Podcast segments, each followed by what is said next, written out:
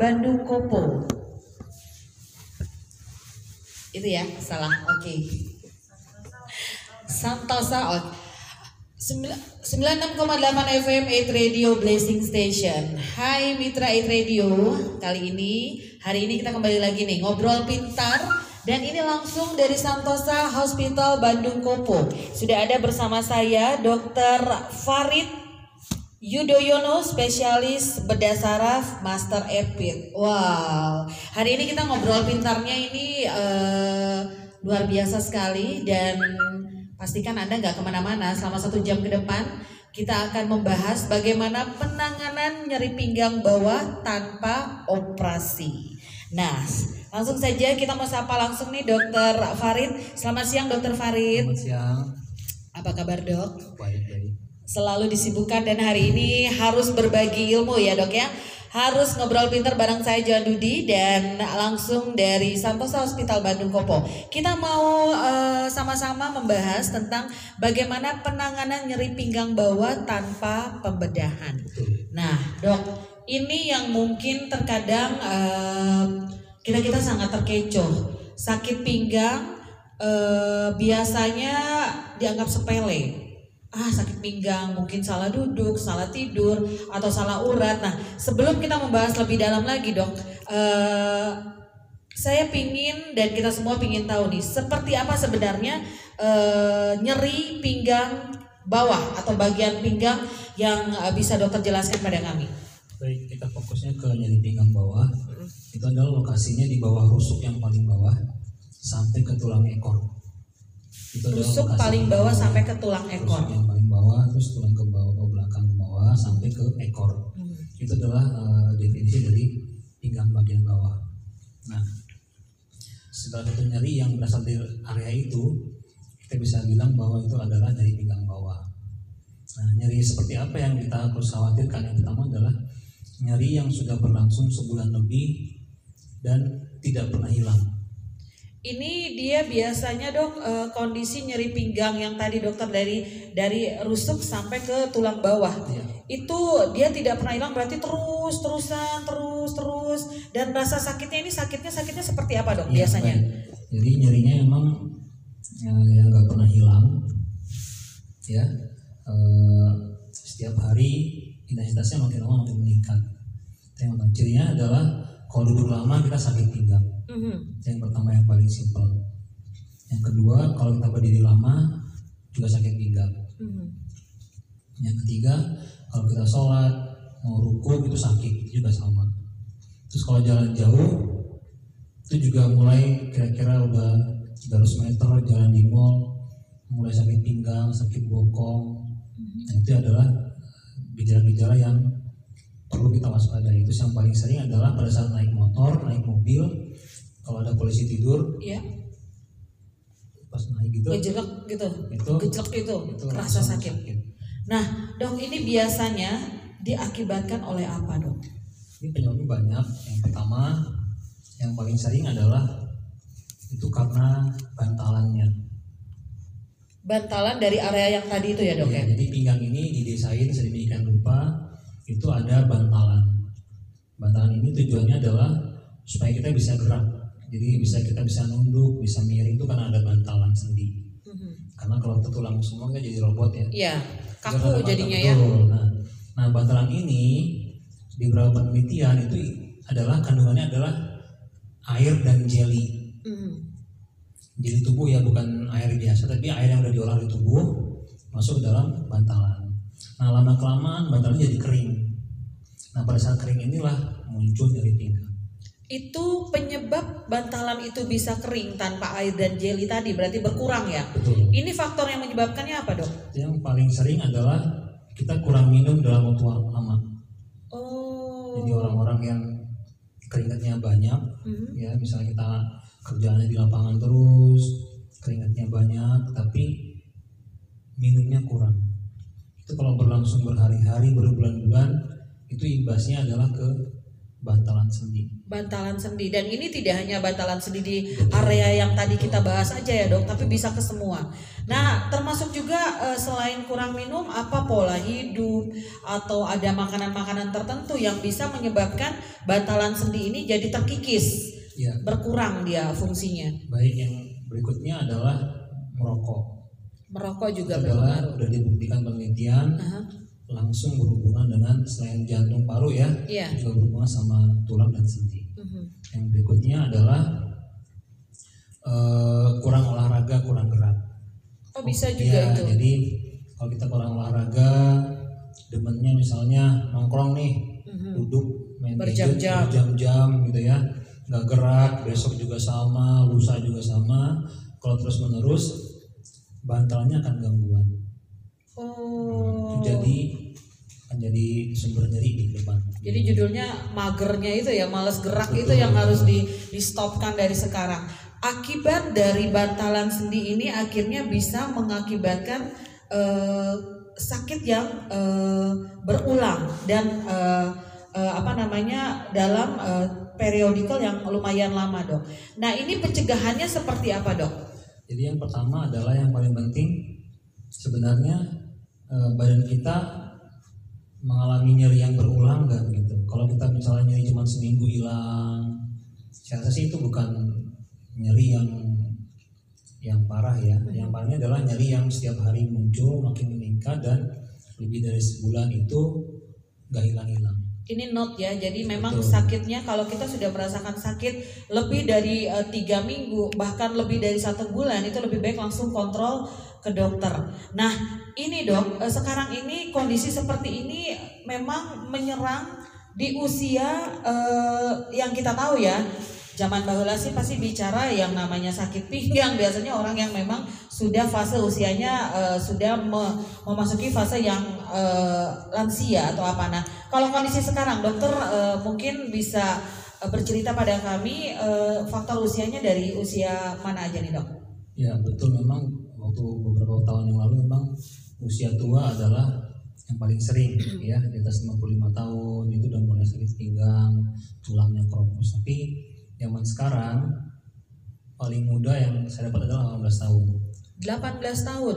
Ya dia eh, kuliah Mhm. perguruan tinggi. Kalau di dari datang ke saya sakit pinggang, begitu saya evaluasi ternyata memang orang tuanya juga ngomong ke dia bahwa emang pola hidupnya emang gak bagus. Tiga tahun belakangan sebelum sakit, Mhm. ya jadi dia banyakkan duduk, kurang minum, ya kurang olahraga. Itu berlangsung selama tiga tahun sebelum dia sakit pinggang. Mhm.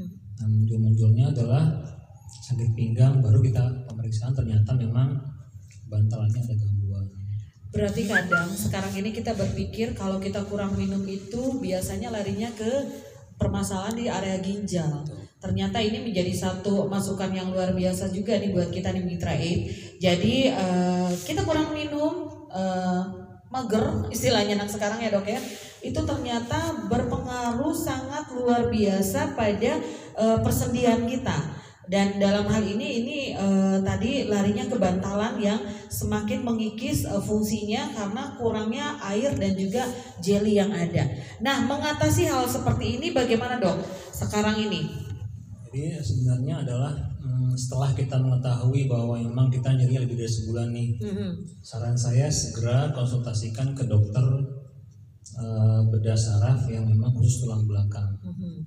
Ya, jadi eh, yang terdekat nanti biasanya kita evaluasi, kita ronsen dulu, terus kemudian juga kita eh, terapinya bareng dengan dokter fisioterapi. Iya. Setelah di ronsen, di MRI, kita baru tahu bahwa penyebabnya di mana lokasi sumber nyerinya. Sumber nyerinya baru dapat jadi di screening dulu semuanya dari awal ya, Dok. Nah, ini eh, tadi dokter bilang harus langsung konsultasikan ke dokter spesialis eh, syaraf khusus tulang belakang. Ya, contohnya salah satunya dokter Farid mungkin Betul, ya. betul. Dan dokter Farid ini ada di Santosa Hospital Bandung Kopo. Ya, Eh, dokter eh, jam eh, prakteknya jam berapa aja nih dok di sini? Biasanya dengan perjanjian itu Senin sampai Jumat jam 9 sampai jam 1. Senin sampai Jumat ya Mitra Aid jam 9 sampai jam 1 siang. Ini uh, bertempat di Santosa Hospital Bandung Kopo. Bisa langsung datang ke sini konsultasikan dulu apa yang uh, terasanya, apalagi nyeri pinggangnya memang sudah lebih dari satu bulan.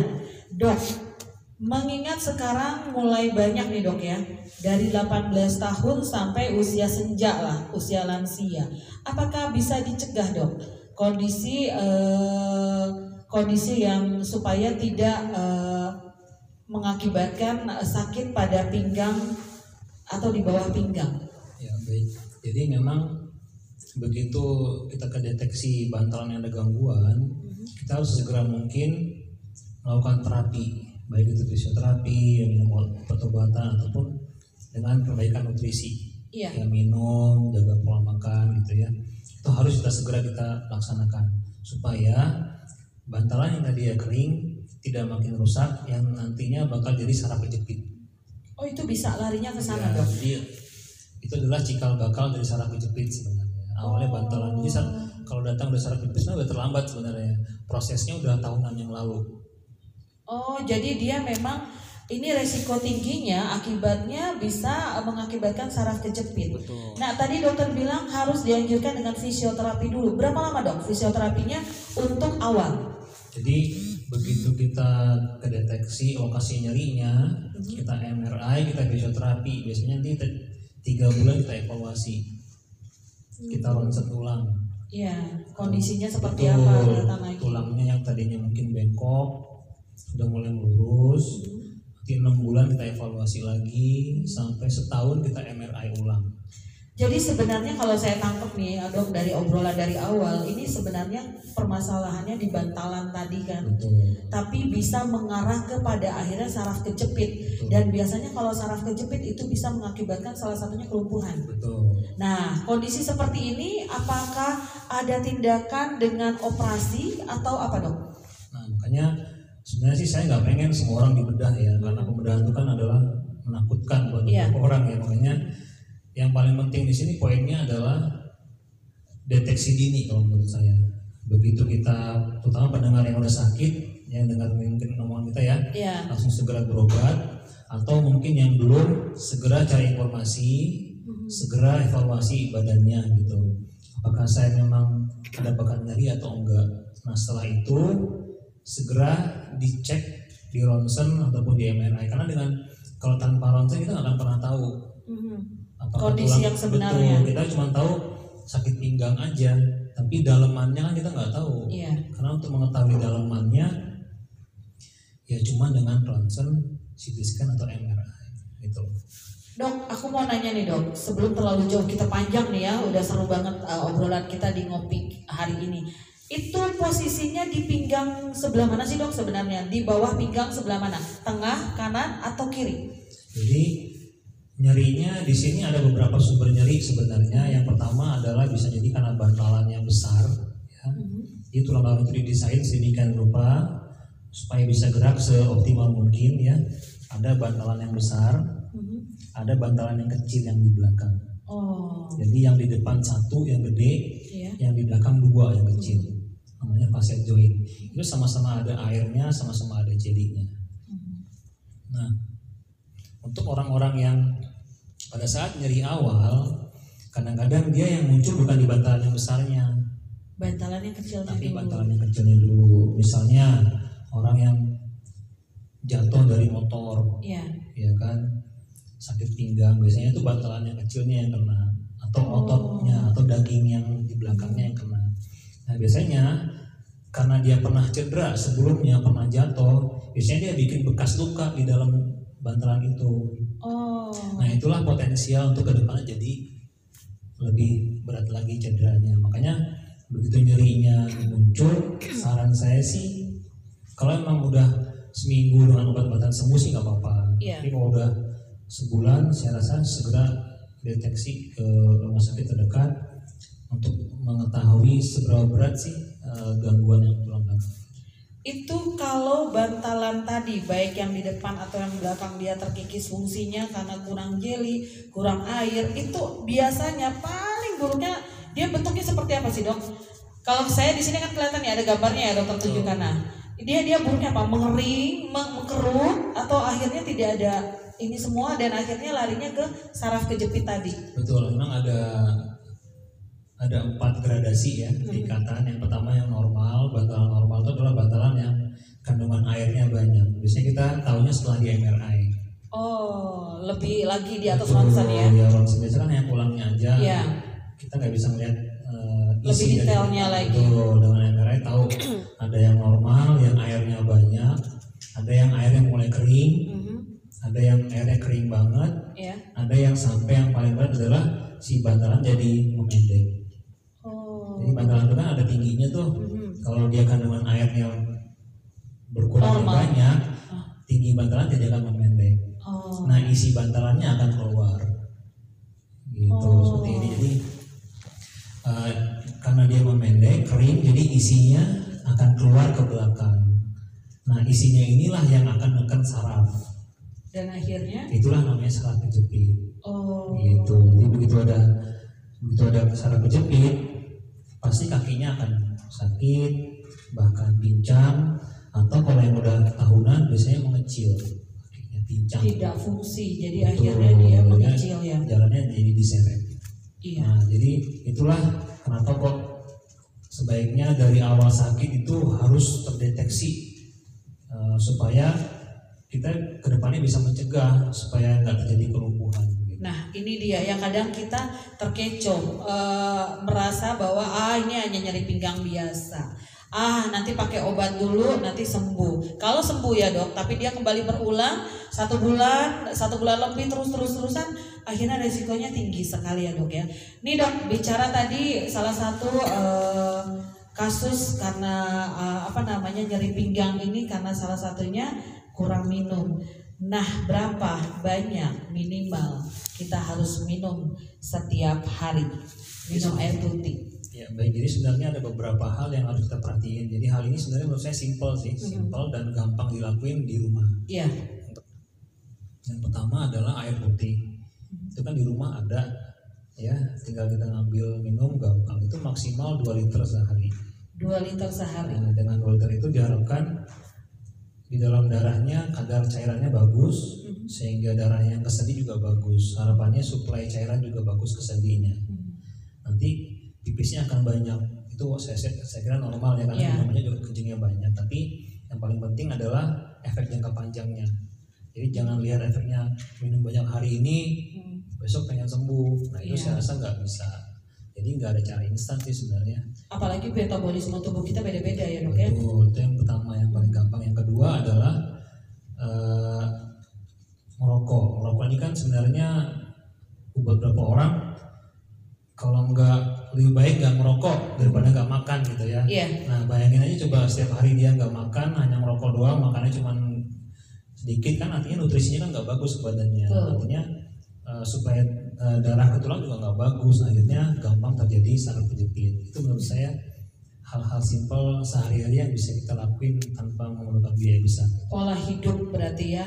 Pola hidup minum air teratur minimal tadi 2 liter ya per hari. Kemudian kalau bisa stop rokoknya. Ganti dengan makanan-makanan yang memang diperlukan oleh tubuh untuk supaya eh, memenuhi apa yang dibutuhkan oleh nutrisi yang dibutuhkan oleh tubuh. Dok untuk aktivitas sehari-hari olahraga seperti apa olahraganya? Apalagi kalau yang memang eh, ada keluhan dengan nyeri pinggang di bagian bawah. ya baik menurut saya sebaiknya eh, ini semuanya kembali ke hal-hal yang simpel dan murah jadi sebenarnya kalau menurut saya sih setelah eh, berkecimpung bertahun-tahun ya dalam sakit pinggang kesimpulannya sebenarnya kita bisa cegah dengan hal-hal yang murah kalau menurut saya yang pertama minum dari rokok yang kedua olahraga jalan kaki Jalan kaki ya? Betul, jalan kaki setiap hari 30 menit itu saya rasa paling bagus karena dengan jalan kaki semua organ pinggang, bokong, paha, lutut itu kan bekerja. Artinya berfungsi sesuai dengan fungsinya masing-masing.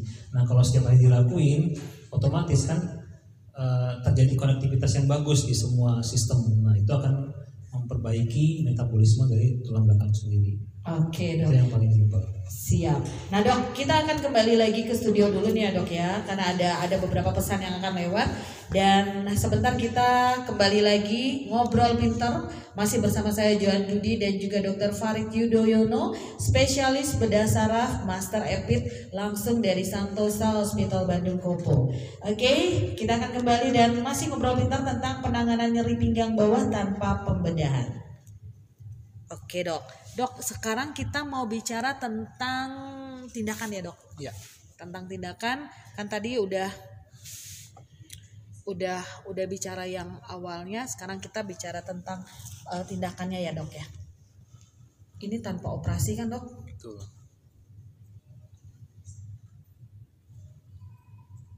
ya Emang obesitas juga ngaruh ya dok? ngaruh ngaruh jadi kalau ini ini ada penelitian juga jadi kalau seandainya ditarik garis ya dari poster ini Hmm.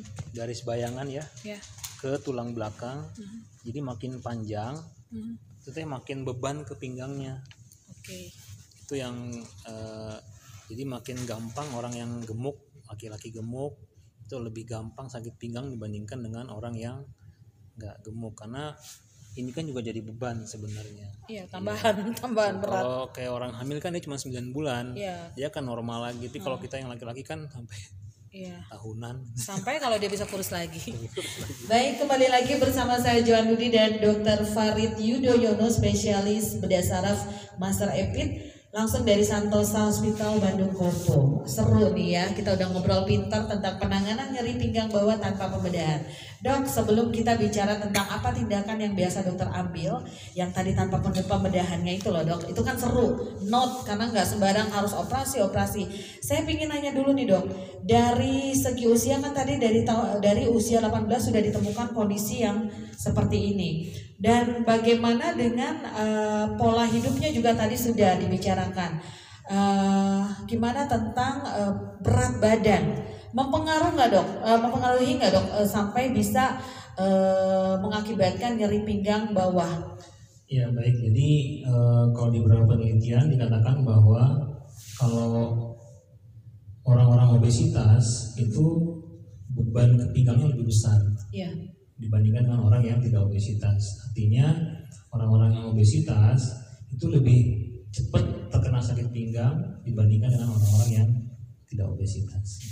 Iya, itu karena ada tambahannya Betul. berat badannya yang tinggi, betul. terutama untuk pria mungkin ya dok ya. Betul. Nah dok, seperti apa kita pingin tahu nih dari dokter tindakan-tindakan yang akan dilakukan eh, untuk penanganan kasus nyeri pinggang bagian bawah. Ya, makanya eh, itulah pentingnya deteksi dini ya. Dengan makin dini deteksinya, makin dapat eh, lokasinya, makanya pembedahan juga akan jadi minimal. Iya, Makanya di sini di kita di Santoso Kopo dikembangkan satu metode begitu nyeri kita langsung deteksi langsung diterapi.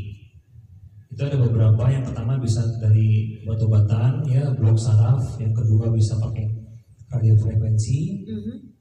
yang terbaru pakai laser. Jadi semua terapi ini dilakuin tujuannya adalah supaya yang sakit pada saat deteksi dini bisa berkurang atau bahkan hilang.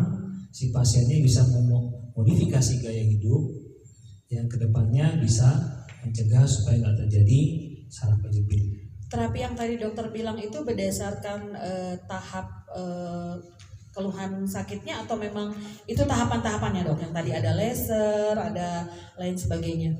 Ya, biasanya kita deteksi lokasi dulu. Kadang begitu kita ada pasien datang, lokasinya kita nggak hanya satu. Sumber nyerinya ada dua, ada tiga. Nah itu kita perlu evaluasi juga lokasi sama sumber nyerinya. Berikutnya adalah sudah pernah fisioterapi belum sebelumnya dan fisioterapi ini membantu nggak gitu. Itu juga menentukan pemilihan dari tindakan. Yang Oh. berikutnya adalah obat-obatan. Selama ini obat-obatannya minumnya apa aja? Apakah obat saraf udah minum, obat nyeri udah minum? Kalau udah minum obat udah eh, fisioterapi. Kalau memang ada perbaikan, kita pilih terapi yang paling ringan biasanya. Oh jadi memang dari kondisi pada si pasien pada saat datang ke kita Oh. udah sejauh mana deteksi dininya, sejauh mana fisioterapinya, sejauh mana obat yang udah dikonsumsi. Oh jadi memang di screening semuanya ya dok ya. Jadi uh, penempatan dia terapi juga disesuaikan dengan keluhan yang ada. Nah sekarang uh, ini di Santosa Hospital Bandung Kopo ini tepatnya di klinik uh, apa dok? Uh, di sini ada pusat tulang belakang dan nyeri. Ada pusat ya, tulang belakang dan nyeri nih Mitra Age ya. Aha, jadi nggak perlu ke mana-mana, langsung datang ke sini bisa dikonsultasikan dulu. Dan Dokter Farid pun ada dari Senin sampai Jumat. Senin sampai Jumat pukul 9 sampai pukul 1 siang. Dok kembali lagi yang tadi nih dok, pengambilan tindakan atau minimal kalau memang harus dilakukan pembedahan seperti apa dok? Boleh bercerita sedikit ya? Ya baik, jadi tujuan utamanya adalah uh, walaupun saya dokter bedah tapi saya nggak mau bedah sembarangan ya hmm. harus melewati dulu tahapan-tahapan dalam pembedahan dulu yeah. kalau sudah maksimal dan memang itu ada syarat terjepitnya udah parah kakinya sampai pincang ya mungkin dengan berat hati kita lakukan. Jadi sebenarnya pembedahan ini dilakukan juga memang kalau sudah maksimal, sarafnya betul, sudah kejepit, betul. bantalannya memang sudah habis banget baru diambil tindakan. Tapi kalau masih dalam tahap bantalan yang kering, bantalan yang ini, tadi tahapan-tahapan yang tadi ya dok ya? Masih bisa diperbaiki. Eh, masih bisa diperbaiki. Oke dok. Nah dokter, uh, seperti apa sih sebenarnya yang bisa kita lakukan? Yang tadi yang dokter sudah sampaikan pola hidup, kemudian minum air segala macam. Nah, ini kan e, bervariasi ya dok dari usia 18 sudah ditemukan seperti kondisi ini. Nah dokter pingin nggak sih apa yang pingin dokter e, sampaikan nih supaya minimal mencegah mencegah eh, hal-hal seperti ini terjadi apalagi dalam usia yang benar-benar masih muda. Kalau usia lansia sih memang kita bisa bisa mengerti ya dok ya.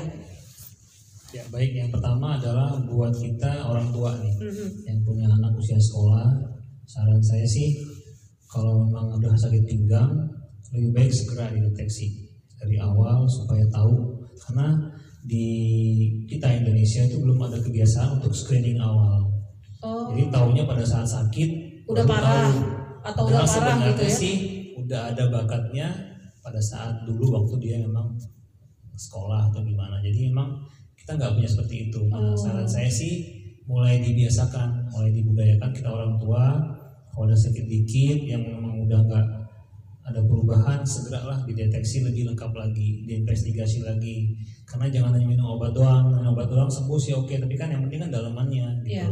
nah dalamannya kan bisa dilihat dengan hanya dengan ronsen atau dengan MRI CT scan selebihnya kita nggak bisa lihat dalaman nah itu kadang tuh dianggap sepele ya Betul. kamu capek ya, kamu apa gitu kita sebagai orang tua terus kita sebagai yang dewasa muda yang hmm. memang sudah bisa mutusin sendiri tuh. untuk kondisi tubuh kita perbanyaklah literasi digital hmm. untuk uh, tentang nyeri pinggang ini baik yang sudah menderita ataupun yang belum hmm.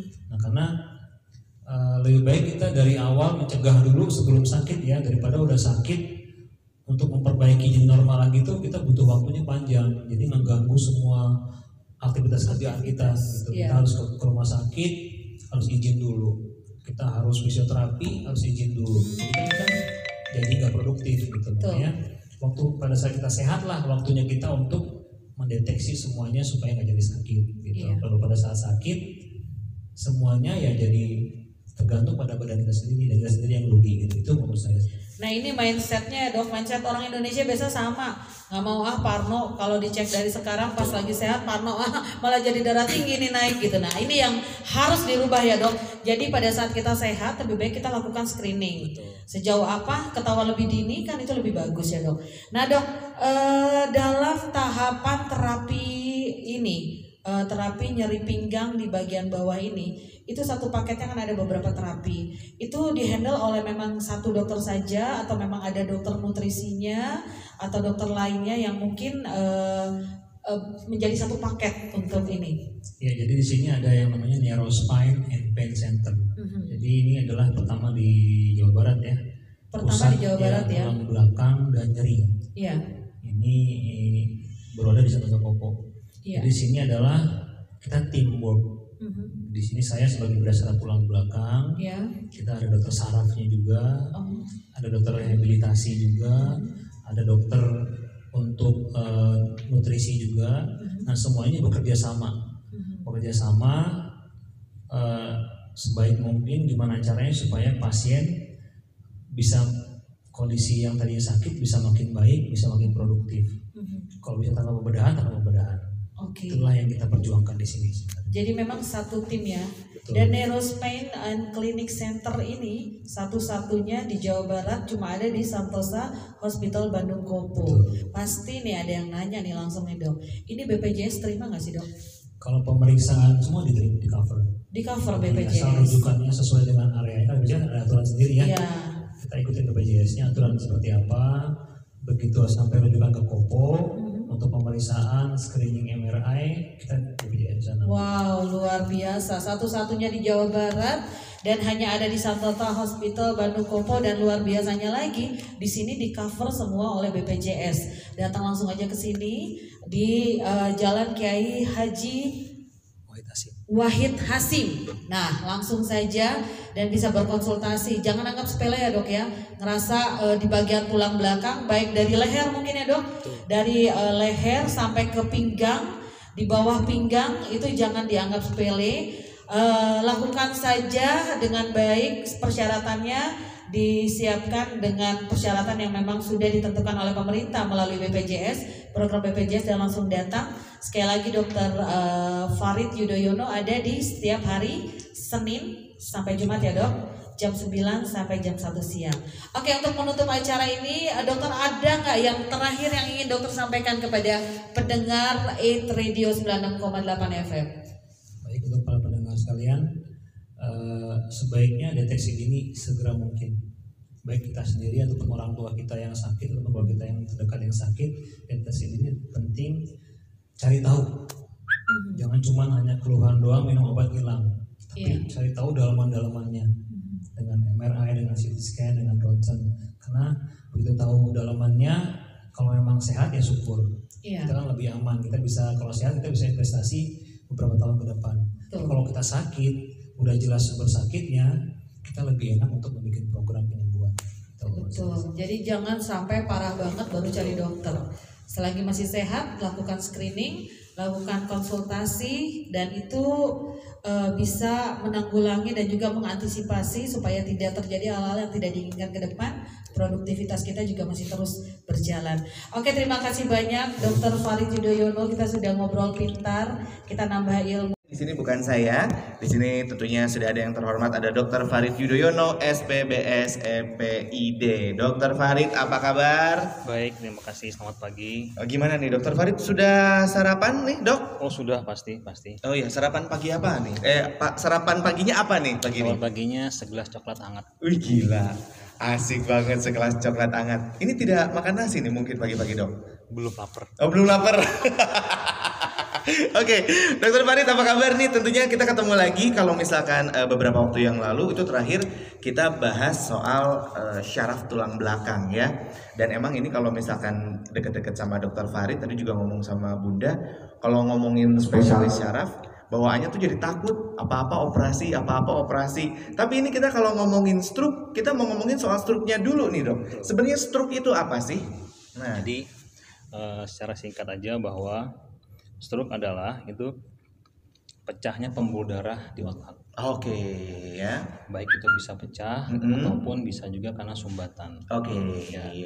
Itu gantung eh, pencetusnya eh, mana gitu. Tapi Hmm. intinya adalah dengan adanya eh, pecahnya pembuluh darah otak ataupun sumbatan, Mm-mm. fungsi otak jadi terganggu. Oh, Jadi orang bisa jadi sakit kepala, Hmm. kadang sampai muntah-muntah, Mm-mm. atau mungkin ada kejang-kejang bahkan sampai ke koma bahkan meninggal. Oke ya, jadi memang si stroke ini adalah salah satu penyakit kategorinya mematikan ya dokter berarti. Betul betul betul. Oke, dan ini kalau misalkan ngomongin masalah eh, stroke, ini sebenarnya ada kategori-kategori khusus- khususnya nggak sih dok? Stroke apa, stroke apa, stroke apa gitu? Ya memang kalau berdasarkan waktu sih ada beberapa kategorinya. Ada yang serangan stroke awal gitu, Mm-mm. Di bawah 24 jam Oke. bisa recovery lagi. Oh. Jadi kalau kita begitu serangan, Mm-mm. gejala-gejalanya jelas, kita langsung ke rumah sakit, Mm-mm. itu angka recovery-nya lebih cepat. Oh. Ada juga yang lebih dari 24 jam Mm-mm. sudah terdiagnosa ada pendarahan otak misalnya, Mm-mm. tergantung juga volume darahnya. Oh, oke. Jadi kalau kecil ya kita nggak dioperasi. Oke. Kalau emang pembuluh darahnya besar, volume darahnya besar, mungkin kita pertimbangkan untuk pembedahan. Oke ya, jadi ini sebenarnya tadi juga cerita karena justru eh, Dokter Farid ini tahu soal bedah, jadi lebih menyarankan kalau bisa tidak dibedah ya dok ya. Betul betul. Nah tapi emang kalau misalkan stroke ini emang bisa tanpa bedah nih dok? Jadi makanya eh, jadi eh, makin ke sini itu Mm-mm. ternyata scope stroke-nya makin luas. Oh, Oke. Kalau zaman dulu sih mungkin yang tua-tua aja yang kena stroke ya. Nah, Tapi zaman sekarang justru tendensinya ke arah yang usia muda. oke paling muda dok pernah Kemarin menangani terakhir itu 27 tahun. 27 Ya, tahun. itu udah kena stroke. Oke. Itu kalau dirunut ke belakang sih Mm. memang itu faktor eh, gaya hidup Oh. dan sehari-harinya. Oke. Jadi memang ya. ya yang paling utama sih ya rokok, Rokok. terus kemudian diem berlama-lama di sebuah tempat Nah itu dia. tanpa ada gerakan gitu ya, itu Hmm. diulang terus setiap hari tanpa adanya olahraga. Terus dari makanan Jadinya dok? makanan juga sama, Hmm. makan makan cepat saji. Oke. Itu lama kelamaan jadi numpuk-numpuk, jadinya obesitas. Nah, oh oke. Dan Ya, itu jadi- jadi, mempengaruhi Itu juga ya dok ya? Oke, dan ini ternyata 27 tahun ada pasien dari dokter Farid. Wah ini sangat-sangat eh, bahaya juga nih. Tapi kalau ngomongin eh, seberapa bahayanya stroke, kalau usia potensialnya sebenarnya yang terkena stroke usia berapa sih dok rata-rata? Eh, di beberapa penelitian itu 55 tahun ke atas. 55 Itu tahun yang ke atas rata-rata ya. yang potensialnya. Tapi ternyata yang muda juga banyak ya Betul, dok ya. betul, betul. Oke, dan ini tentunya buat Anda nih makanya harus jaga-jaga pendengar AC. Dan kalau misalkan kalau ngomongin stroke ternyata bisa menyebabkan kematian dan juga bahayanya sangat-sangat banyak sekali. Dan kita akan segera membahas ngomongin eh, stroke tanpa pembedahan. Tapi sebelumnya juga kita mau cari tahu dulu untuk ciri-ciri seseorang terkena stroke sebenarnya seperti apa nih, Dok? Ya, yang pertama Mm-mm. begitu serangan dia akan sakit kepala hebat. Sakit kepala hebat. Ya, Oke. kepala hebat, kemudian dia akan merasa ada kelemahan di sisi anggotanya. Oke. Bisa yang anggota yang sebelah kanan atau yang sebelah kiri. Mm. Terus kemudian disertai dengan bicaranya nggak jelas. Oh, oke. Dan juga setelah itu dia langsung anfal terjatuh biasanya. Hmm. Nah itu kadang-kadang disertai dengan kejang-kejang juga bisa. Oh. Itu adalah gejala yang paling simpel Mm. yang bisa dilihat oleh orang awam. Oh, oke oke oke oke. Dan ini sebenarnya juga tadi eh, kalau misalkan teman saya tuh ada yang nanya, sebenarnya kalau misalkan stroke sendiri bisa timbul akibat kecelakaan nggak sih dok? Betul, jadi sebenarnya eh, penyebabnya itu bisa karena spontan Mm-mm. atau karena eh, trauma. Oh, Benturan. oke, benturan. Jadi intinya adalah otaknya mengalami pendarahan. Mm-mm. Nah, pendarahan itu bisa karena dia hipertensi, pecah sendiri, atau karena hambatan, atau karena benturan dulu baru pecah. Oh, oke. Kerusakannya sama biasanya. Mm-mm. Nah itu dia pendengar AC ya. Jadi kalau ada yang udah punya mungkin ada ciri-ciri yang tadi sudah disebutkan, Anda juga harus waspada loh pendengar AC ya. Sebelum kita lanjut tentunya Anda kalau yang mau bertanya soal stroke boleh banget pendengar AC di 0812 210 23 itu di WhatsAppnya boleh banget. Tentunya kita akan membahas penanganan nyeri pasca serangan stroke tanpa pembedahan ya. Jadi seperti apa tanpa pembedahannya? Jadi jangan pindahkan channel Anda tetap di 102,3 Rasa FM Bandung yang saat ini live dari Santosa Hospital Bandung Kopo barengan sama Dr. Farid di Good Morning Bandung Morning Ranger.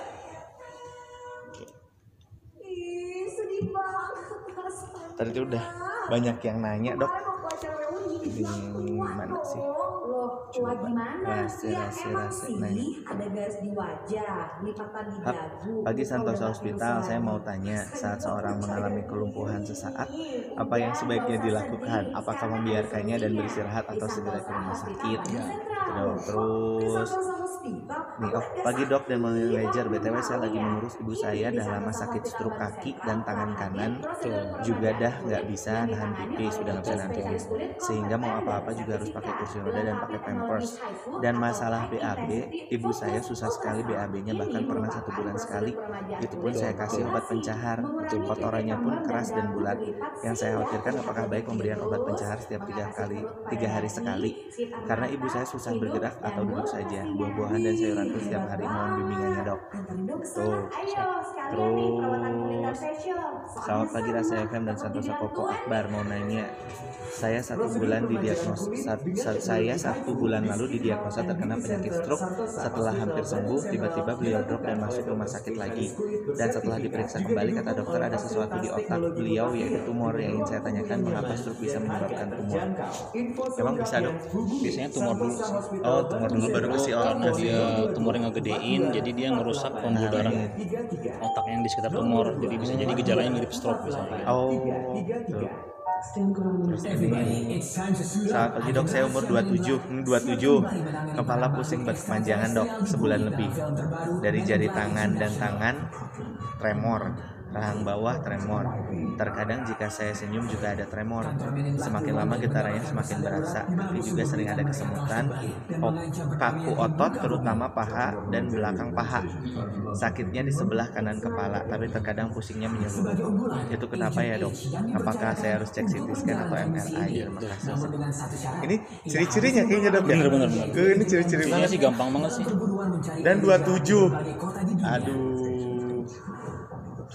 dan obesitas sebenarnya itu juga bisa dok ya? Bisa banget bisa banget. Itu ya biasalah kita sering nongkrong di main game gitu ya eh, anteng Datang, terus makan gitu mesen makan ngopi gitu ya.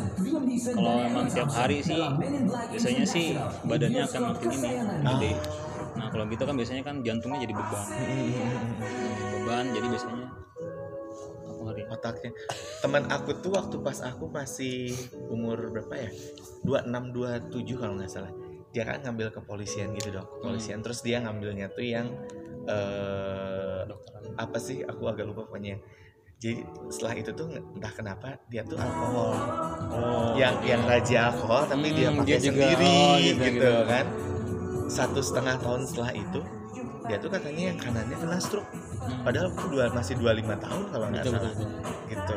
Terus sekarang udah sembuh kalau diajak ngobrol kadang nggak nyambung dong. Betul. Kayak gitu. Jadi emang selain penyakit hipertensi Hmm. kolesterol gitu ya eh, obesitas merokok itu juga alkohol sama drugs juga Hmm, jadi problem.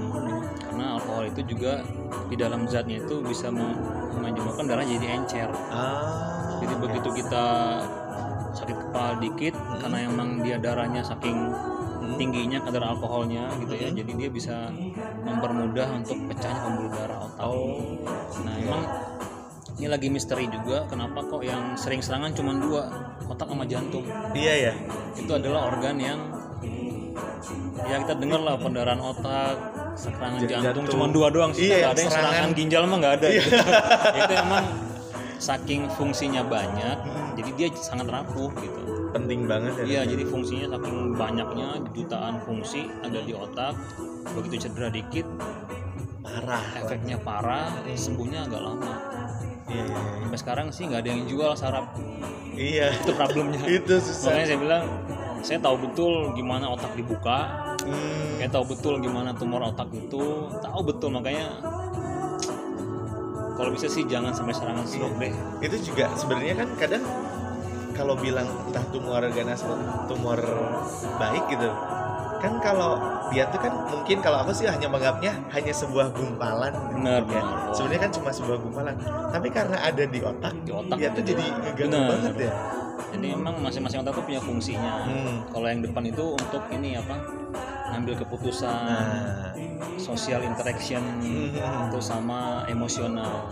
Jadi kalau pendarahannya di depan otomatis fungsi itu terganggu. Hmm. jadi yang tadinya pendiam jadi gampang marah terus Oh, kemudian oke. yang tadinya dia gampang mutusin sesuatu begitu ada serangan di otak loading loading jadi dia tuh ngomong gini tapi nggak bisa Eh, gitu. eh, eh, sama kemudian emosi juga terganggu yang depan ya yang depan kalau yang belakang kan keseimbangan Hmm. jadi kalau pendarahan di otak kecil jalannya sempoyongan aja kayak orang mabok gitu aja mau disuruh berdiri juga tetap sempoyongan Iya iya iya. jadi saking itu fungsinya tergantung di mana pendarahannya gitu Hmm.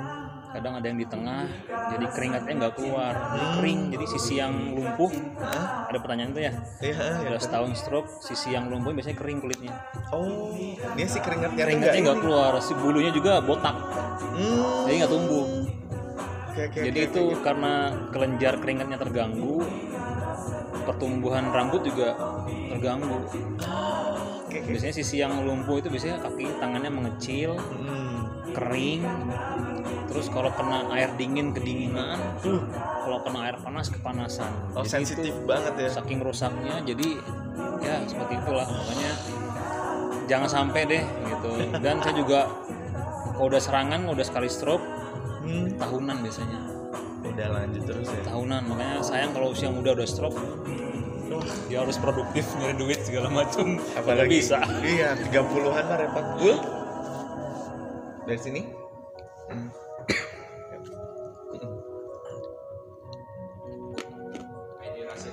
Ya.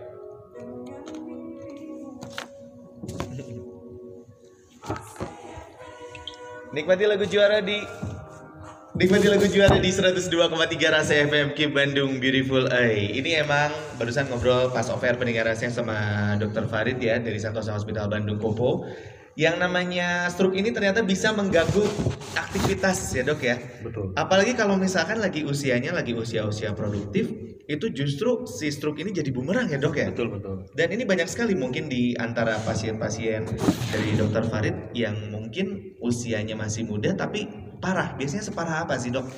Eh, memang parahnya tergantung dari jumlah pendarahannya Hmm. ataupun jumlah eh, besarnya otak yang rusak akibat stroke tersebut. Hmm. Tapi pada intinya adalah gejala yang paling sering adalah itu kelumpuhan. Oke. Kelumpuhan bisa sebelah kanan atau sebelah kiri. Mm-mm. Biasanya wajah, tangan, sama kaki itu lumpuh. Oke. Tergantung dari eh, lokasi pendarahannya. Mm-mm. Itu yang pertama. Yang kedua, begitu pasien eh, lolos dari serangan stroke, Oke. ya, Nah, kan ada yang begitu serangan langsung drop. Nah, ada yang enggak. dioperasi Mm-mm. perbaikan. Nah, itu dia. Dan perbaikan ini kan tetap pasiennya masih ada kelumpuhan. Betul, betul, nah, betul. kelumpuhan inilah yang jadi problem ke depannya karena kan Mm. dia harus eh, fisioterapi, Mm-mm. dia harus eh, minum obat-obatan saraf, Hmm. harus latihan gimana caranya supaya yang lumpuh ini kembali baik seperti yang sisi yang sehat. Oke ya, tapi ini ternyata dok kalau misalkan tadi ciri-cirinya sudah ketahuan, tapi ternyata juga ada pembuluh darah yang pecah juga. Apa yang harus kita lakukan dok?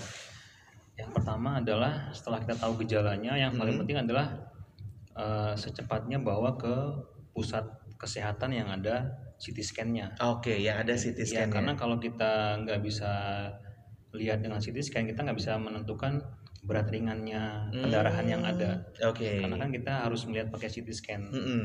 Nah, setelah eh, mengetahui pendarahannya di mana lokasinya, jumlahnya berapa, Mm-mm. di confirm sama gejala yang ada, Mm-hmm. gitu ya, nanti kita bisa lakukan terapi. Apakah ini perlu pembedahan Nah, ataukah tidak perlu pembedahan? oke. Nah, tapi ini juga barusan kita menentukan perlu atau tidak yang namanya pembedahan. Tapi sebenarnya memang bisa dok tanpa pembedahan. Eh, kalau biasanya kalau itu kalau pasien tetap sadar Mm-mm. masih bisa ngobrol, cuman memang mengalami kelumpuhan, Betul. terus volume darah juga kecil, Mm-mm. kita biasanya eh, pendar- pembedahan kita tunda. Oh, Oke. Tetap kalau memang pasiennya masih bisa sadar, Mm-mm.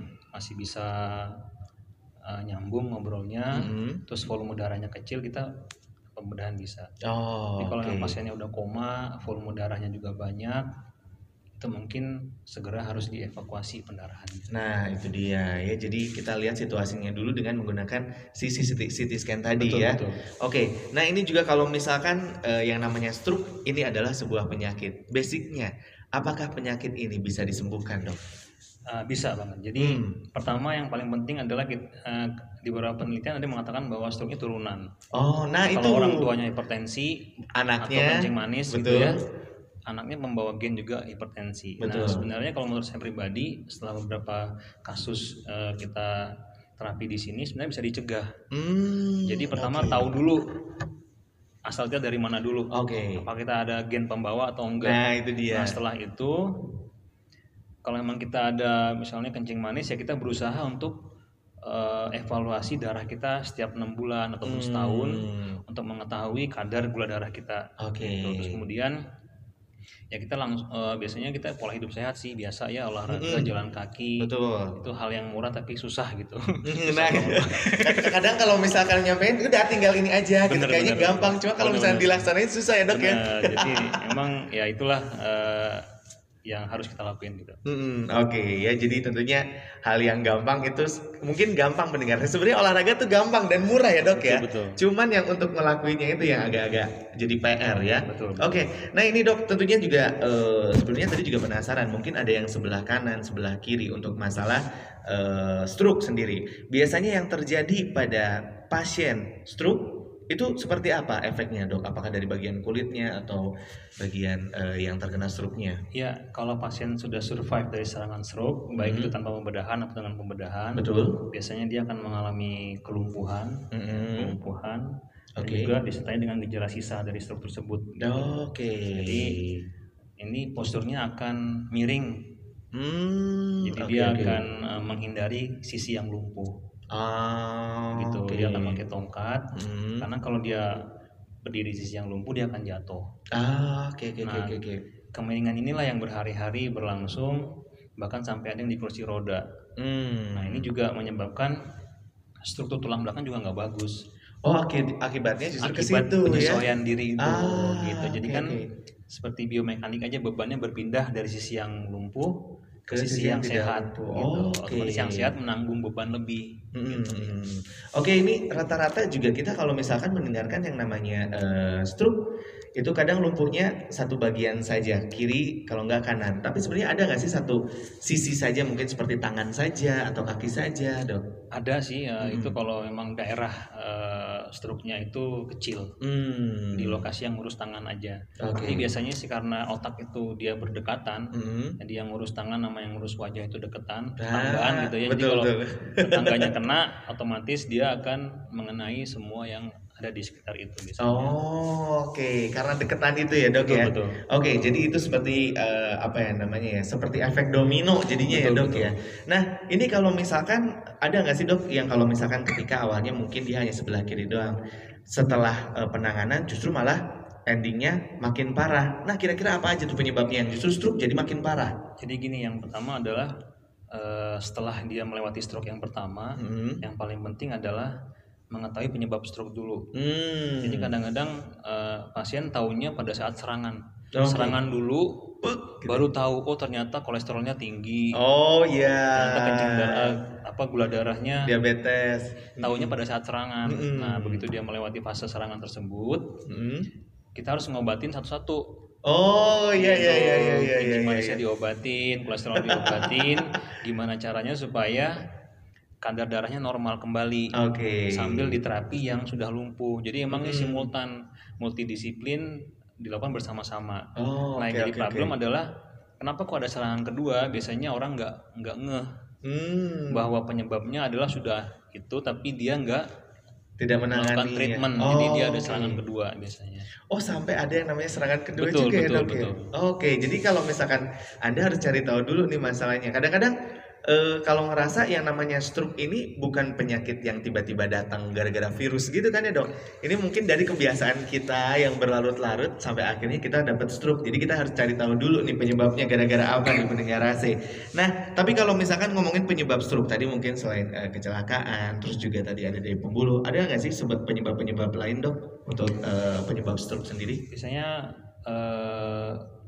narkoba itu juga bisa Hmm, oke. Alkohol juga bisa menyebabkan Narkoba dan juga Nah, alkohol. itu yang paling eh, di data penelitian sih ada Hmm. dinyatakan bahwa dan kita juga sering menemukan hal seperti itu. Jadi kadang-kadang Mm-mm. eh, orang stroke datang dengan apa mulutnya bau alkohol. Oh gitu ya. iya. Itu juga pernah terjadi. Jadi Hmm. emang itu yang eh, penyebab yang paling umum sih. Oh, oke oke oke. Dan ini kalau misalkan imbas dari penyakit stroke bisa menyebabkan penyakit-penyakit yang lain gak sih dok? Kan kalau tadi mungkin dari kolesterol ke stroke, dari eh, kencing manis ke stroke. Kalau stroke sendiri bisa menyebabkan penyakit yang lain nggak? Bisa. Jadi karena dia mengalami kelumpuhan, Mm-mm. jadi setiap jalan dia mungkin posturnya miring. Oh iya betul. Jadi dia mungkin terjadi ketidakseimbangan tulang belakang. Nah, Itu dilakukan berlangsung dalam waktu lama. Nah, ini juga akan sering menyebabkan sakit leher, Oke. sakit punggung, Mm-mm. sakit pinggang, sakit kaki, oh, atau sakit lutut. Betul, betul, betul. Itu yang betul. pertama. Yang kedua, Mm-mm. ada orang stroke yang pakai kursi roda. Mm-mm. Ini duduk, duduk lama terus ya. Duduk Jadi kan. Eh, bokongnya kerasa panas gitu. Oh iya iya. Ini berlangsung benar berlangsung berhari-hari. Jadi sering terjadi nyeri di tulang ekor. Oke, apakah ada perubahan eh, posisi dari tulang ekor sendiri? Kalau perubahan posisi enggak, Hmm. biasanya karena eh, dia saking seringnya duduk Mm-mm. dan tulang ekor kan tajam ya. Betul. Jadi kalau orang yang seringan duduk lama lebih dari sejam tuh dia akan merasakan nyeri di Bagian. di bagian bokongnya. Nah Betul. itu biasanya yang sering terjadi pada saat pasien-pasien itu eh, duduk lama di kursi roda. Oh, Pasien stroke oke oke oke oke. Jangankan pasien stroke kadang-kadang ya dok ya kita yang touring aja baru sejam setengah juga udah panas. Ini belakangnya betul, udah panas nih ya. Jadi ini ternyata memang eh, salah satu hal yang sangat-sangat eh, berbahaya ya. Jadi kalau misalkan anda udah ada ciri-cirinya tuh sekali lagi pendengar saya langsung periksain. Nah sambil nyicil dulu ah ini udah banyak ternyata yang masuk mau nanyain soal stroke. Ini ada dari Nuriski eh, Nur Nuriskai Ayu. Pagi Santosa Hospital, saya mau tanya, eh, saat seseorang mengalami kelumpuhan sesaat, apa yang sebaiknya dilakukan? Apakah membiarkannya dengan beristirahat atau segera ke rumah sakit? Kelumpuhan sesaat, dok. Nah, Baik.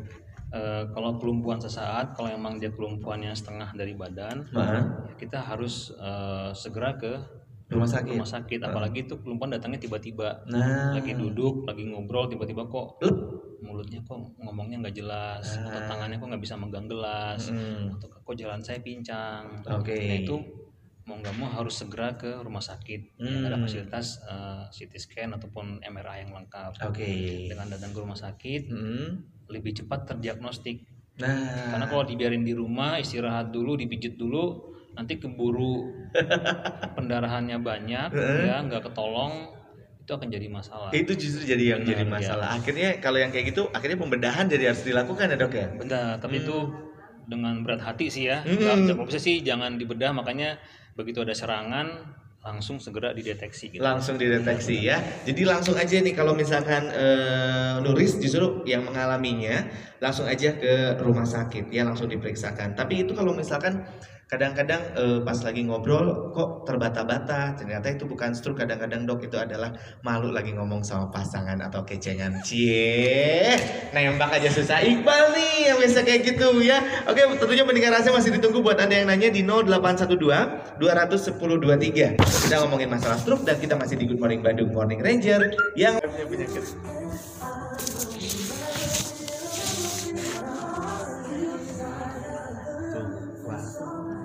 Nikmati lagu juara di 102,3 Rasa FM Keep Bandung Beautiful Oi Masih live dari Santosa Hospital Bandung Kopo Pendengar Rasa Dan kita masih barengan sama Dr. Farid di sini Dan ini kabarnya Usut punya usut asik Ini Dr. Farid juga termasuk orang yang suka makan nih Nah Tapi dok untuk kita yang memang hobinya makan Terus makan Kan kadang makan kita kan pengen ini, pengen itu, pengen daging gitu atau mungkin beberapa kategori makanan yang cukup kolesterolnya dibilang tinggi. Sebenarnya solusinya gimana nih dok untuk terhindar dari eh, yang namanya stroke? Ya sebenarnya sih kalau kita hobi makan, Mm-mm. yang paling penting adalah kita mengatur dulu makanannya. Jangan Oke. setiap hari makan daging, terus nah itu kan jadi problem ya. Iya iya betul betul. Tapi yang penting sih selain kita makan yang banyak juga, yang penting harus pembakaran juga harus banyak. Hmm, saya sih. nah itu dia. begitu kita makan banyak, ya segera dibakar Hmm. supaya jadi energi Mm. dan badan juga lebih sehat lagi. Seimbang ya dok ya. Seimbang, betul Apa sekali. yang masuk ada juga bakar di situ ya. Nah tapi ngomongin masalah soal stroke ini sebenarnya berapa tinggi nih kalau untuk angka stroke di Indonesia dok? Eh, ada penelitian tahun 2007 kalau Hmm. nggak salah saya itu di Indonesia itu stroke ini sebagai pembunuh nomor satu. Waduh. Oke. Tapi sini sininya Hmm. saingan sama jantung. Tapi Oke. tetap sih di posisi lima besar. Masih tetap yang berbahaya. Tapi kalau misalkan stroke itu bisa nyambung ke jantung juga nggak sih dok? Biasanya eh, jantung dulu baru stroke biasanya yang sering Hmm. karena gangguan irama jantung. Hmm. Jadi eh, ada gangguan jadi larinya ke otak. lari ke otak akhirnya stroke aja ya nah kira-kira nih kalau misalkan eh, kita yang justru akhirnya bisa dibilang takut juga nih yang kalau yang namanya stroke apa aja yang harus kita lakuin agar terhindar dari stroke nih dok nih Yang pertama adalah eh, yang paling simpel kita harus eh, tahu dulu Mm-mm.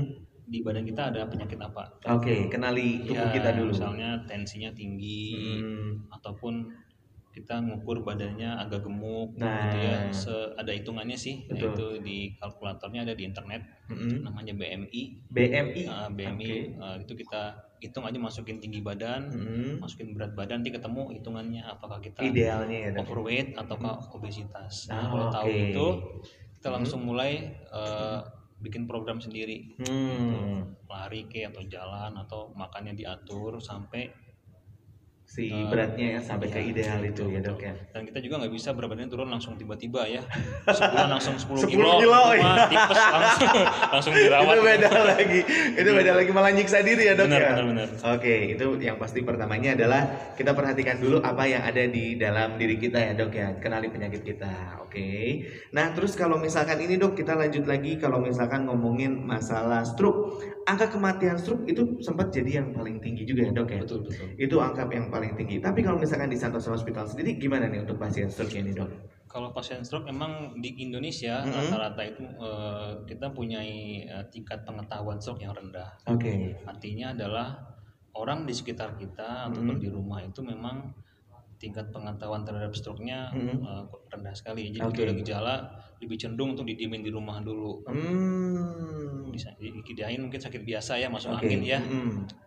Tukang pijat segala macam, tapi Mhm. kondisinya makin memburuk. Oke. Nah, itu juga yang jadi problem. Nah, Mm-mm. makin lama stroke itu dibawa ke rumah sakit, Mm-mm. makin lama terdiagnosa, Mm-mm. makin lama dikasih obat, tentunya kondisinya akan semakin memberat. Parah ya. Itu yang jadi masalah di Indonesia sih. Oke, nah ini juga kalau misalkan kita yang benar-benar langsung ada ngerasa si ciri-ciri eh, stroke tadi muncul, terus kita memang katanya sih harus langsung segera ke rumah sakit. Betul. Ini tadi juga kabarnya ada yang namanya eh, golden period ya. Betul, betul. Ini sebenarnya apa sih dok?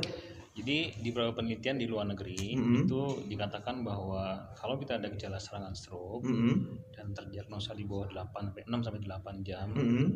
lebih awal Oke. itu angka kematiannya lebih rendah. Oke. Itu emang tergantung juga penyebab dari stroke sendiri ya. Jadi kita nggak Hmm. bisa mengejelaskan semuanya. Mm-mm. Yang pasti begitu datang ke rumah sakit usahain di bawah 8 jam. Oke. Lebih cepat terdiagnosa, Hmm. lebih cepat masuk obat itu akan lebih lebih baik lagi ya. Iya. Ini ada ada hubungannya sama pertanyaan tadi ya daripada diistirahatin lama Betul. sehari dua hari, eh malah nambah parah ya dok Betul, ya. betul. Oke, kalau gitu kita lanjut lagi nih yang udah masuk di 0812 210 23 ada Didit. Pagi dok dan Morning Ranger pagi. By the way, saya lagi ngurus ibu saya yang yang dah lama sakit stroke, kaki dan tangan kanan juga dah nggak bisa nahan pipis, sehingga mau apa-apa juga harus pakai kursi roda dan pakai pampers. Dan ada masalah BAB. Ibu saya susah sekali BAB-nya, bahkan pernah satu bulan sekali itu pun saya kasih obat pencahar. Eh, untuk buangannya itu keras dan juga bulat. Yang saya khawatirkan apakah baik pemberian obat pencahar setiap tiga hari sekali karena ibu saya susah bergerak atau duduk saja bahkan buah-buahan dan sayuran pun setiap hari. Mohon bimbingannya dok, makasih katanya gitu. Didit. Nah, baik. eh, makasih pertanyaan. Jadi sebenarnya stroke sendiri adalah itu kerusakan saraf. oke. Jadi saraf di otak itu dia akan mengatur saraf di bawah-bawahnya. Hmm. Saraf tangan, saraf eh, jantung, saraf usus, Mm-mm. saraf kaki semuanya gara-gara adalah diatur oleh otak. Oke. Jadi kalau otaknya udah ada gangguan, Mm-mm. otomatis semua ke bawahnya akan terganggu. Oh, Itu yang pertama itu basic eh, pencetusnya. Berikutnya Mm-mm. kalau sudah lumpuh biasanya lumpuh bareng dengan eh, pincang ya Hmm. duduk lama biasanya juga saraf usus juga terganggu. Oh, oke. Jadi, emang Jadi, pengaruh ya dok ya? Betul, betul Mm-mm. sekali. Selain stroke-nya sendiri juga mempengaruhi saraf usus juga Mm-mm. dengan dengan kursi roda kursi roda lama Oh, nah itu. itu juga bisa mempengaruhi eh, pergerakan dari usus. Oh, oke. Jadi sebenarnya kalau menurut saya orang stroke itu harus diperlakukan seperti kita orang yang sehat kalau menurut Hmm, saya. hmm. Kalau memang dia pengen berjalan ya beri dia kesempatan untuk berjalan. Oke. Karena dengan dia berjalan walaupun memang pincang Mm-mm. itu bisa melancarkan pembuluh darah yang ada di sisi yang lumpuh. Oh. Terus kalau memang dia pengen eh, duduk kebangun lagi itu tolong difasilitasi karena Oke. kalau duduk terlalu lama juga nggak bagus Oke, gitu. jadi oke, oke. yang penting adalah digerakin semua tubuh yang mengalami kelumpuhan itu akan lebih baik menurut saya. Salah satunya adalah untuk melancarkan si aliran darahnya betul, itu ya betul, dok ya. betul. Oke, dan kalau misalkan penggunaan pencahar ini gimana nih dok kira-kira? Nah. Apakah baik-baik saja atau Selain juga ususnya terganggu, Mhm. kita juga menambahkan makanan-makanan yang tinggi serat. Hmm, Jadi oke. itu problemnya orang stroke adalah basicnya memang sarafnya terganggu, Mhm. ya. Kita juga harus dibantu sama makanan-makanan yang tinggi serat. Oke. Boleh makan yang lain boleh, tapi usahain sih makan buah dulu Buah, atau oke. makan yang ada sayuran dulu, baru makan makanan yang lain. Oke. Nah, biasanya sih memang eh, karena ada gangguan saraf di ususnya, Mhm. itu memang yang paling sering adalah susah buang air besar. Nah, itu dia. Nah, diharapkan dengan dia berdiri, duduk lama terus berdiri, terus jalan pelan-pelan, diharapkan ususnya akan bergeraknya mendekati normal. Oh, Oke. Harapannya lagi makanan sisa yang akan dibuang Mhm. itu tidak perlu memerlukan obat pencahar. Nah, itu dia ya. Jadi mungkin difasilitasi buat eh, Mas Didit kalau misalkan mamanya diajak untuk eh, berjalan nih ya. Betul betul. Ya, itu dia. Oke, selanjutnya juga ada Oreza. Nih katanya, asik nih rasanya gabung lagi sama Santosa. Iya dong, topiknya mantep. Cina asik. Nih stroke ya, topiknya mantep. Katanya mau sekalian konsul nih. Selamat pagi dok, saya umur 27, Oreza. Kepala pusing berkepanjangan dok, sebulan lebih dan jari tangan dan lengan tremor. Rahang bawah juga tremor. Terkadang jika saya senyum juga ada tremor. Semakin lama getarannya semakin berasa. Kaki juga ada sering kesemutan dan kaku otot terutama paha dan belakang paha. Sakitnya di sebelah kanan kepala, tapi terkadang pusingnya menyeluruh. Itu kenapa dok? Kalau saya harus cek pakai alat CT scan atau MRI dok. Terima kasih katanya gitu Oreza. Ya baik. 27 tahun dok. Betul. Itu memang sebagian besar ada gejala-gejala saraf di situ Betul. ya. Jadi memang kalau menurut saya sih eh, segera eh, cek ke dokter saraf Oke. ataupun dokter bedah saraf terdekat yang ada Mhm. fasilitas yang lengkap, Oke. yang ada CT scan atau MRI Mm-mm. biar segera bisa terdiagnosa. Oke. Sebenarnya penyebabnya apa sih penyakitnya gitu? Mhm. Kenapa kok lebih dari sebulan kok nggak sembuh-sembuh? Hmm. Biasanya kalau sebulan itu adalah waktu yang paling lama ya. Oke. Kalau masih di bawah sebulan kita masih bisa tolerir, Mm-mm. masih minum obat. Tapi kalau lebih dari sebulan nggak sembuh-sembuh dan itu gradasi sakitnya itu makin berat, Mm-mm. kita mau nggak mau harus mencari tahu gitu penyebabnya Hmm. apa sebenarnya. Saran Oke. saya sih segera ke langsung center. Ya, diperiksakan betul. ya itu dia karena ini udah sebulan ya dok ya Betul betul. dan masih muda 27 Betul, tahun juga dok oke dan ini juga ada Akbar katanya selamat pagi Rasa FM dan Santosa Kopo mau tanya saya satu bulan lalu didiagnosa terkena penyakit stroke setelah hampir sembuh ternyata tiba-tiba drop dan masuk rumah sakit lagi dan setelah diperiksa kembali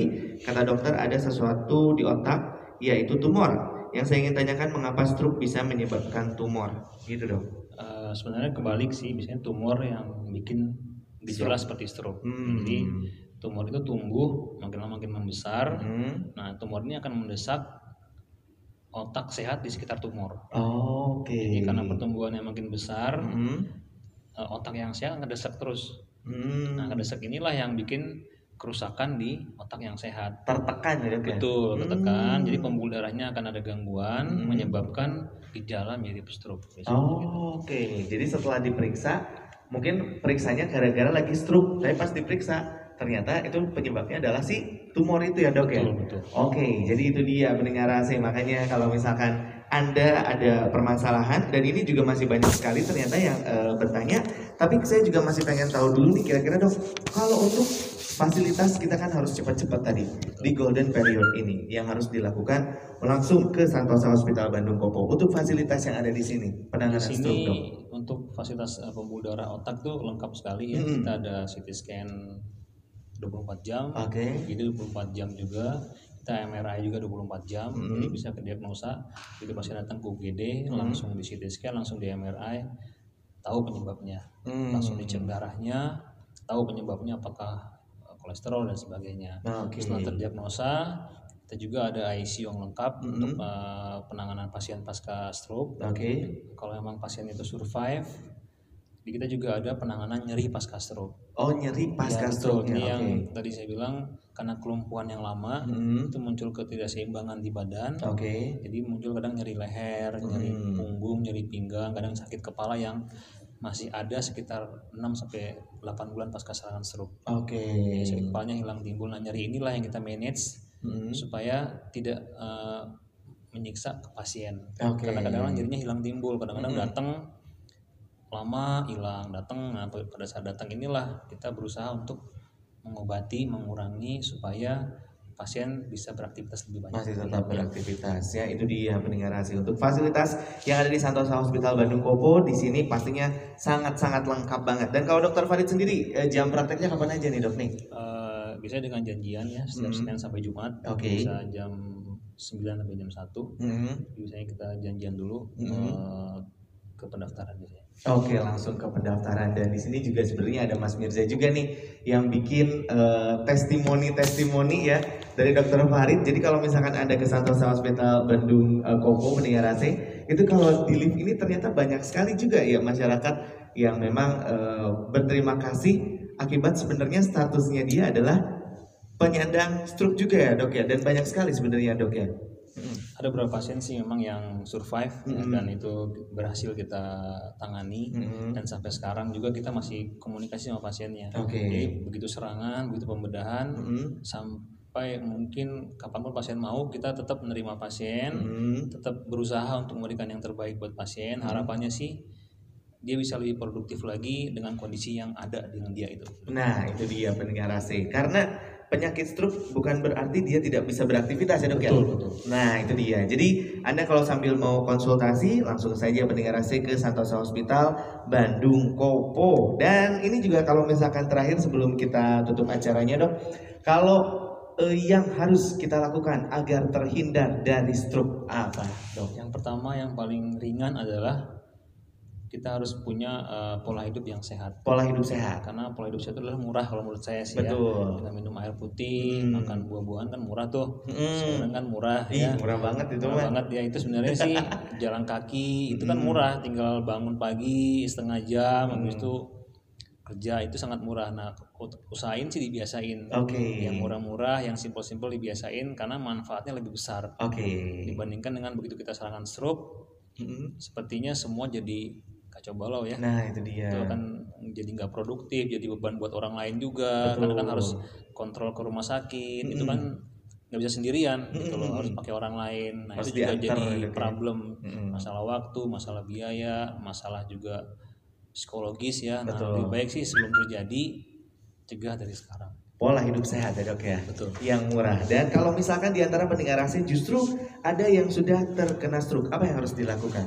Nah, stroke itu adalah bukanlah suatu yang menakutkan kalau Betul. menurut saya. Jadi begitu Anda serangan stroke, walaupun Anda sebagai penderita stroke, tetap Anda bisa lebih produktif lagi Hmm. dengan cara eh, datengin society-society. Ada kita ada kumpulan pasien-pasien yang udah pernah kita operasi. Oke. Kadang-kadang kita simposium di sini, Mm-mm. kita dat- kita undang pasiennya. Jadi pasien sesama pasien Mm-mm. yang survive saling Komunikasi, ya. komunikasi Dan saling berbagi ber- ya, ya? betul Oh, oke. karena eh, yang penting adalah kadang-kadang pasien itu apa nggak ada informasi ya begitu serangan stroke nih saya harus ke mana Hmm. saya sendirian di rumah orang lain kerja gitu saya di rumah sendirian kan depresi Mm-mm. kalau nggak ada teman-teman yang sebaya Betul. yang sependeritaan biasanya dia akan makin depresi dan makin Parah. parah nah Oh, itu biasanya oke. kita punya society di sini Mm-mm. Nah, ya kita ada simposium bareng Mm-mm. tukar pikiran yang penting sih eh, supaya pasiennya lebih update kondisinya terbaru gitu Nah itu dia pendengar AC. Dan kalau misalkan eh, cerita dari eh, Dr. Fred sendiri dok, yang survive dari stroke yang paling parah waktu itu stroke-nya stroke apa dok? Eh, ada satu orang itu umurnya 67 tahun ya Wow, Itu oke. stroke perdarahan Mm-mm. itu sampai sekarang dia masih tetap dari koma ya kita operasi Oh jadi sempat koma. koma Oke. sempat koma di ICU dan Mhm. itu juga lumayan lama juga di, di rumahnya kita operasi alhamdulillah sih ini udah tahun kedua Oh, oke. tahun kedua tadinya nggak bisa ngobrol Mm-mm. sekarang udah bisa ngobrol Komunikasinya pelan-pelan bisa. ya ngomongnya jelas walaupun masih ada kelumpuhan sedikit Mm-mm. sampai sekarang masih kontrol ke poli saya Mm-mm. Eh, keluarga juga udah sangat paham jadi edukasinya adalah ke pasien juga ke orang terdekat yang merawat Keluarganya jadi juga ya. informasinya harus update terus gitu supaya visinya sama-sama maju sama-sama positif supaya pasien penderita juga lebih baik Mm-mm. dan keluarga pendamping juga nggak mengalami seperti pasien Nah, Itu yang paling penting. itu dia ya. Jangan sampai nularin apalagi ya dok Betul, ya. Oke. Dan jadi kalau misalkan anda ingin eh, apa namanya memeriksakan kondisi kesehatan Anda langsung saja di Santosa Hospital Bandung Kopo pendengar AC khususnya untuk Anda jika nanti ada eh, jaga-jaga untuk masalah stroke-nya sendiri. Dan kalau misalkan Anda mau langsung aja ke Kiai Haji Wahid Hashim nomor 461 pendengar AC langsung aja dan di sini juga tersedia ICU-nya juga ya. Jadi langsung berangkat ke sini pendengar AC. Dan kalau misalkan Anda penasaran dan juga ingin bertanya lebih lanjut, nanti kita akan lanjut lagi tentunya untuk eh, bertemu dengan Santosa Hospital Bandung Kopo. Tapi sayangnya pertemuan kita sekarang udah eh, selesai dan terakhir pesan untuk pendengar AC kira-kira apa nih dok? Pesannya adalah bahwa stroke bisa dicegah, Betul? bisa ditanganin Mm-mm. kalau kita tahu penyebab dan pe- penanganannya dengan Oke. secepat mungkin gitu. Itu aja pendengar AC. Kalau gitu terima kasih untuk Dr. Farid Yudhoyono, SBBS EPID dan juga terima kasih untuk Santosa Hospital Bandung Kopo. Waktunya kita pamit dan ingat pendengar AC jaga kesehatan.